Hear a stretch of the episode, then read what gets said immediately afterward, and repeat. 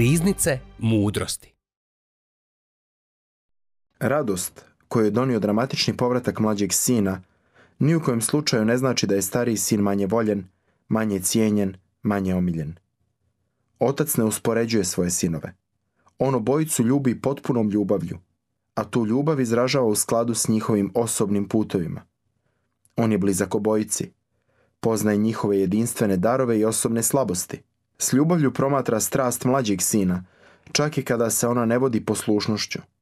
S istom ljubavlju promatra poslušnost starijeg sina, čak i kada ona nije oživljena strašću.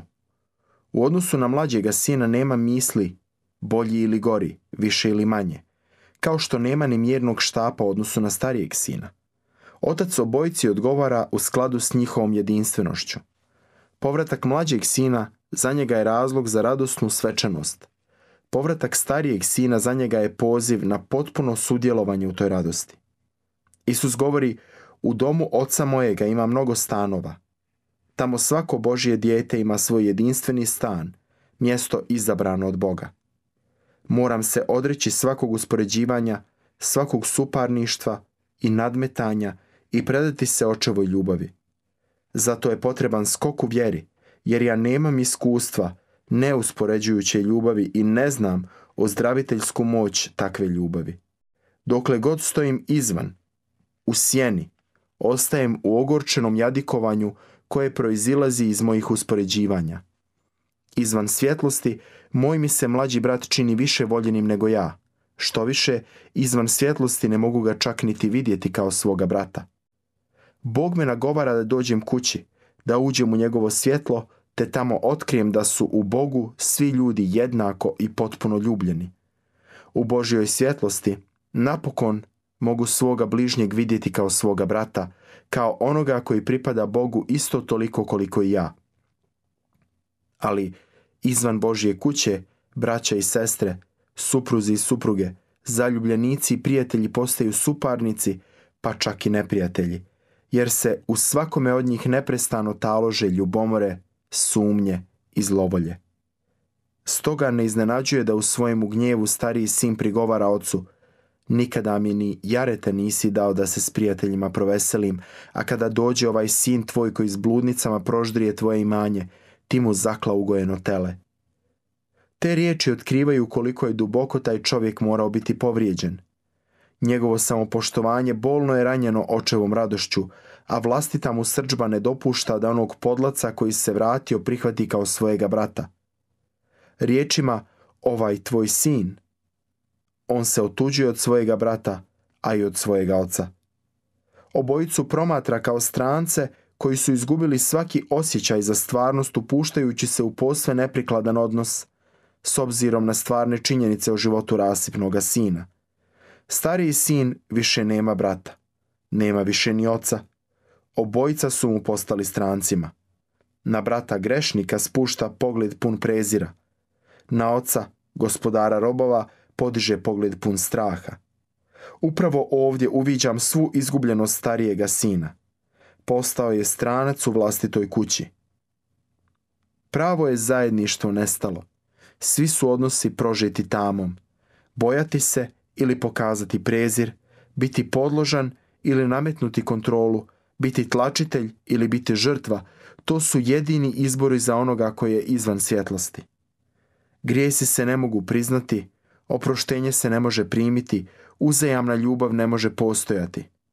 Pravo je zajedništvo nemoguće. Poznata mi je patnja u takvom iskušenju.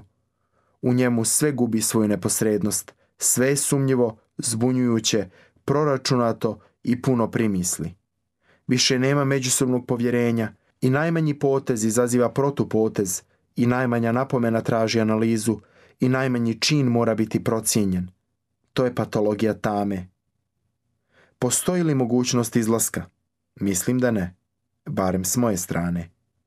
Često mi se čini da mrak postaje sve tamniji što se više pokušavam iz njega osloboditi. Ja trebam svjetlo, no to svjetlo mora pobijediti moju tamu, a to ne mogu postići sam. Ja ne mogu sebi oprostiti. Ja ne mogu učiniti da budem voljen. Vlastitom snagom ne mogu napustiti zemlju svoje srđbe. Ja ne mogu sebe donijeti kući niti mogu stvarati zajedništvo. Mogu ga željeti, nadati mu se, čekati ga i svakako moliti za njega. No svoju istinsku slobodu ne mogu stvoriti sam. To mi mora biti dano. Ja sam izgubljen. Naći će me jedino pastir koji pođe za mnom da bi me doveo kući. Priča o izgubljenom sinu jest priča o Bogu koji mene traži i koji neće počinuti dok me ne pronađe. On nagovara i moli. Preklinje me da se odjelim od snage smrti i dopustim da me obgrli svojim rukama koje će me odnijeti na mjesto gdje ću naći život za kojim toliko čeznem. Nedavno sam, vrlo stvarno, u vlastitome tijelu, proživio povratak starijega sina. Dok sam stopirao, udario me neki automobil i uskoro sam se našao u bolnici na rubu smrti. Tamo sam odjednom doživio prosvjetljenje i shvatio da neću moći umrijeti sve dok ustrajavam u Jadikovci, da me onaj čiji sam sin ne ljubi dovoljno. Uvidio sam da još nisam potpuno odrastao. Osjetio sam snažan poziv da pokopam svoje pubertetske jadikovke i odreknem se laži da sam manje ljubljen od svoje mlađe braće. Bio je to zastrašujući, ali vrlo oslobađajući poziv. Kada je moj otac, već vrlo star, zrakoplovom doletio iz nizozemske meni u posjet, znao sam da je pravi trenutak da potvrdim svoje od Boga primljeno sinovstvo. Prvi put u svojem životu – Ocu sam izričito rekao da ga volim i da sam mu zahvalan za ljubav prema meni. Rekao sam toliko toga što nikada dotad nisam rekao i bio sam iznenađen koliko mi je trebalo da to kažem. I moj otac nekako bio iznenađen, čak i zbunjen svim time, no moje je riječi primio sa smiješkom i razumijevanjem. Kada se osvrnem na taj duhovni događaj, vidim ga kao pravi povratak, povratak iz krive ovisnosti o ocu koji mi ne može dati sve što trebam, u pravu ovisnost o božanskom ocu koji govori ti si uvijek sa mnom i sve moje tvoje je. To je također povratak iz mojega zlovoljnog bića koje se samo žali i uspoređuje k mojem istinskom biću koje je spremno i davati i primati ljubav. Pa iako je bilo i zasigurno će biti još padova, to je bio početak prave slobode da živim svoj vlastiti život i da umrem svojom vlastitom smrću. Povratak ocu, od koga ime svakom očinstvu, dopušta mi da pustim svojega tatu da ne bude manje nego dobro, ljubazno, ali ograničeno ljudsko biće kakvo jest i dopustim svojemu nebeskom ocu da bude Bog čija beskrajna, neuvjetovana ljubav uklanja svaku ogorčenost i svaki gnjev i čini me slobodnim da ljubim bez potrebe da se svidim ili naiđem na dobravanje.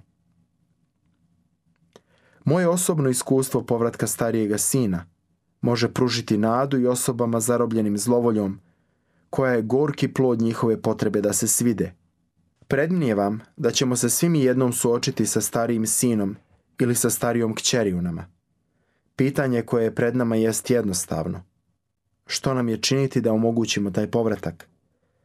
Iako nam sam Bog trči u susret da nas nađe i dovede nas kući, mi moramo ne samo priznati da smo izgubljeni, već također biti pripravni da budemo pronađeni i vraćeni kući. Kako? Očito ne tako da samo čekamo i budemo pasivni. Premda smo nesposobni da se sami oslobodimo svoje ledene srđbe, mi možemo dopustiti Bogu da nas nađe i izliječi nas svojom ljubavlju kroz naše konkretno i svakodnevno iskazivanje povjerenja i zahvalnosti. Povjerenje i zahvalnost su potrebni za obraćenje starijega sina. I ja sam ih upoznao kroz vlastito iskustvo. Ako nemam povjerenja, ne mogu si dopustiti da budem nađen. Povjerenje je ono duboko unutarnje uvjerenje da otac želi da se vratim kući. Dokle god sumnjam da zaslužujem biti pronađen, i ponižavam se vjerujući da sam manje ljubljen od braće i sestara, ne mogu biti pronađen. Neprestance si moram govoriti, Bog te traži, On će poći bilo kamo, samo da te pronađe. On te ljubi, On želi da se vratiš kući. On ne može počinuti dok ti ne budeš s njim. U meni postoji i vrlo jaki, mračni glas koji mi govori suprotno. Bog se zapravo ne zanima za mene. Draži mu je raskajani grešnik koji se vraća kući nakon svojih divljih ispada. Ne poklanja pozornost meni koji nikada nisam napustio kuću. Oko mene se uopće ne trudi. Nisam njegov ljubimac. Ne očekujem da će mi dati ono što mi stvarno treba. Povremeno je taj mračni glas toliko jak da mi treba ogromna duhovna snaga kako bih povjerovao da me otac želi kod kuće upravo kao i mlađega sina. Potrebna mi je stvarna disciplina da nadvladam svoje kronično žaljenje i mislim, govorim i djelujem s uvjerenjem da me traži i da će me naći. Bez toga postajem plijenom beskrajnog beznađa.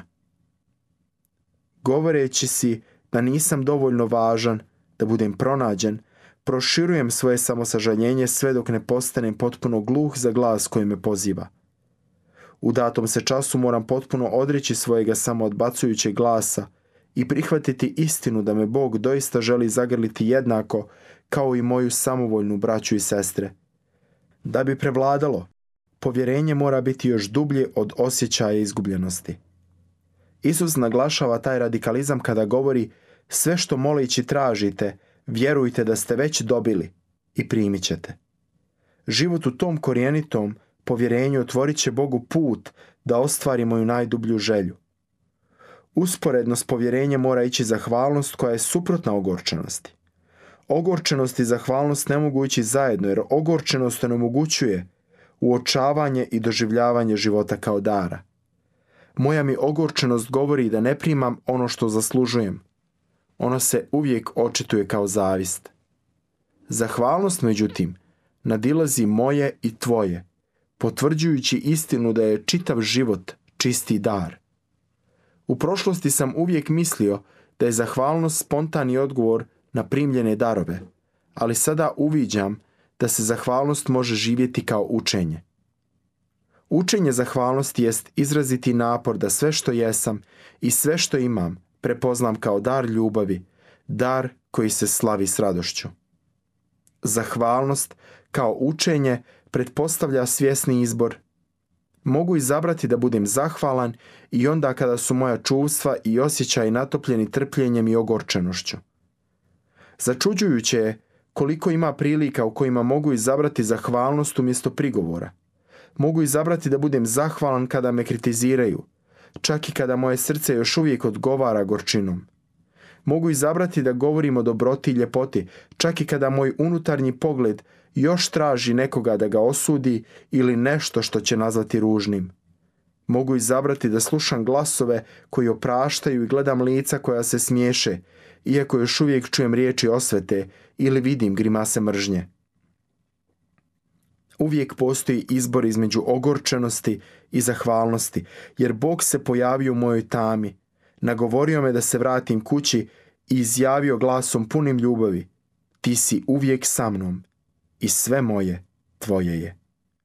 Doista, ja mogu izabrati da se nastanim u tami u kojoj jesam, ukazujući na one kojima je bolje od mene, jadikujući nad brojnim nevoljama koje su me mučile u prošlosti i tako se zatvoriti u svoju ogorčenost, ali ja to ne moram učiniti. Postoji mogućnost da onome koji je pošao u potragu za mnom pogledam u oči i u njima vidim da je sve što jesam i sve što imam čisti dar koji me poziva na zahvalnost. Zahvalnost se rijetko može odabrati bez pravog napora.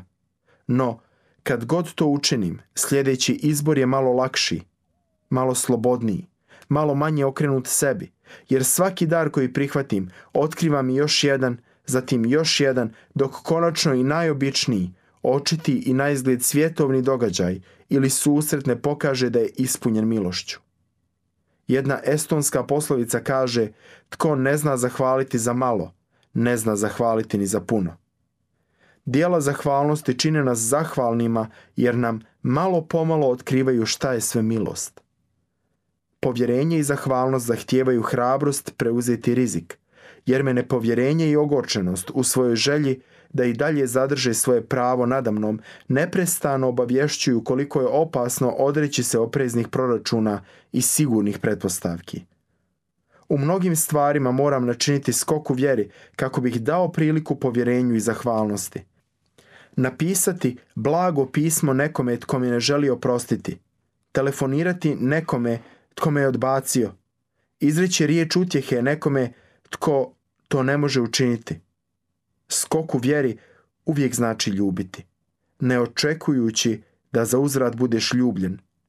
Davati ne tražeći primitak, pozivati bez nadanja da i ti budeš pozvan, prihvaćati ne tražeći da budeš prihvaćen. I svaki put kada učinim i mali skok u vjeri, načas opazim onoga koji trči meni u susret i poziva me da uđem u njegovu radost, radost u kojoj ne nalazim samo sebe, nego i svu svoju braću i sestre. Tako mi povjerenje i zahvalnost otkrivaju Boga koji me traži, goreći od želje da ukloni sve moje zlovolje i tužaljke i pozove me da sjednem do njega na nebeskoj gozbi. Povratak starijega sina za mene postaje toliko značajan, značajniji od povratka mlađega sina.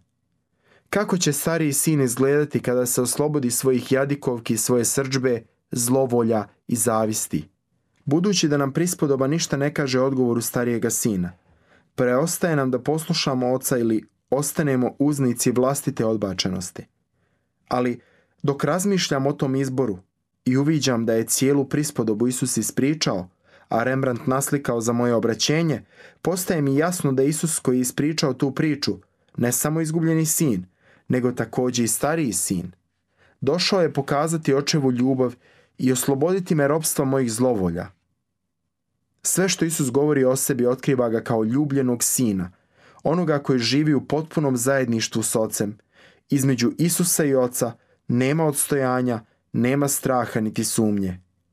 Očeve riječi iz prispodobe, sinko ti si uvijek sa mnom i sve moje tvoje je izražavaju istinski odnos između Boga Oca i Isusa njegova Sina.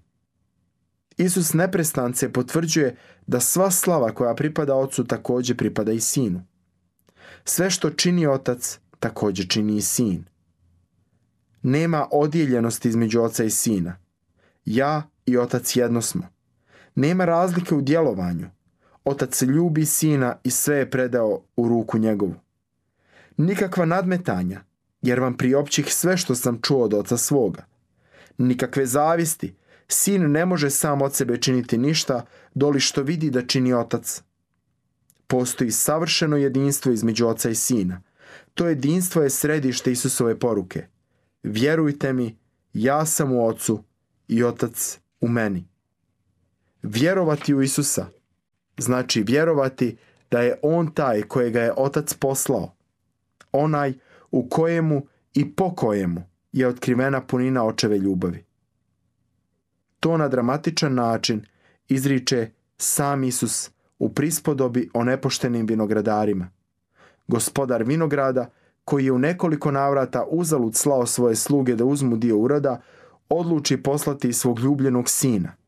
Upravitelji vinograda prepoznaju u njemu baštinika te ga odluče ubiti da za sebe postignu nasljedstvo. To je slika istinskog sina koji sluša svojega oca, ne kao rob, nego kao ljubljeni i u punom jedinstvu s ocem vrši očevu volju. Tako je Isus očev stariji sin. Poslan je od oca da otkrije vječnu Božju ljubav prema svoj rasipnoj djeci i da im se sam ponudi kao put kući. Isus je Božji put koji nemoguće čini mogućim, koji daje da svjetlo pobjedi tminu zlovolje jadikovke, ma kako se činile dubokima, mogu nestati pred licem onoga u kojemu se očituje punina svjetlosti sinovstva. Promatrajući iznova Rembrandtova starijega sina, spoznajem da hladna svjetlost na njegovu licu može postati toplom i dubokom, probražavajući ga potpuno i učiniti da postane ono što on uistinu jest.